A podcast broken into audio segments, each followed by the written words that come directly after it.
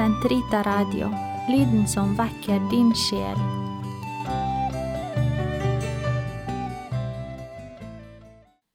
Den katolske kirkes katekisme, uke 26, torsdag, paragraf 1434 til 1439.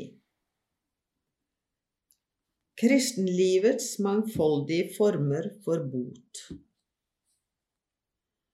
Den kristnes indre botferdighet kan uttrykkes på mange måter. Skriften og fedrene legger vekt på tre faste, bønn og almisse, som gir uttrykk for omvendelse i forhold til en selv, til Gud og til medmennesker. Som middel til synsforlatelse nevner de ved siden av den grunnleggende renselse dåpen eller martyriet utvirker, forsøk på å forsone seg med sin neste, botferdighetens tårer, omsorg for nestens frelse, helgenenes forbønn og utøvelse av nestekjærlighet, den som dekker over et utall av synder.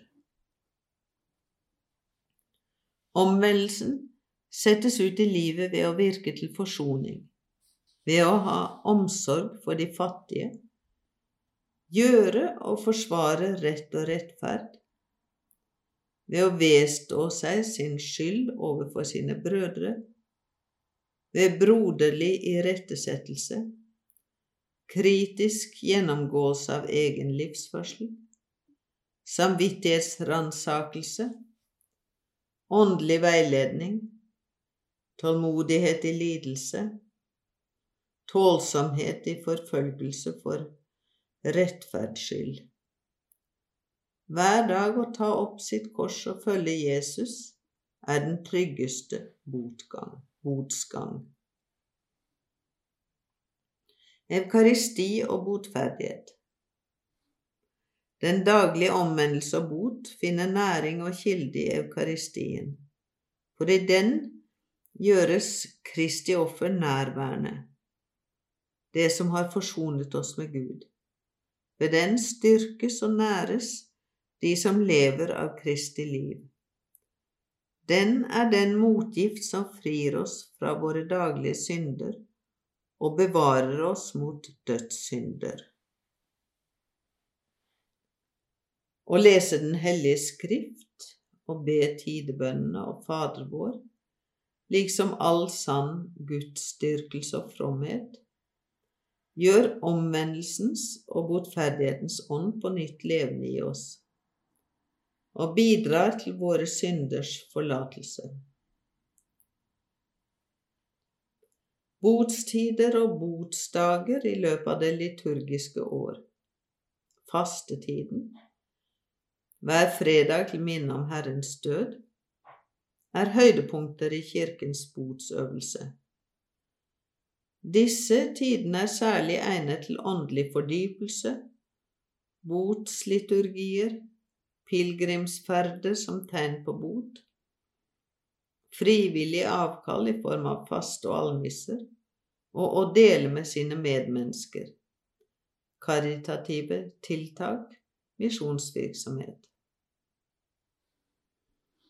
Veien til omvendelse og bot er blitt praktfullt beskrevet av Jesus i den lignelsen som kalles Den fortapte sønn, hvor den miskunnsrike far er midtpunktet. Skinnfrihetens forlokkelse, avreisen hjemmefra, den store nød sønnen befinner seg i etter å ha satt formuen over styr, Ydmykelsen ved å være nødt til å røkte griser, og enda verre, ønsket om å fylle maven med de skolmene grisene får. Tanken på det han hadde mistet, angeren og beslutningen om å vedgå sin skyld overfor faren, hjemveien, den rause mottagelse faren gir ham, farens glede, Alt dette beskriver typiske trekk ved omvendelsesprosessen. Den fine drakten, ringen og festmåltidet er tegn på det nye, rene, verdige og gledesfylte liv som venter det mennesket som vender tilbake til Gud og til familien skjød, kirken.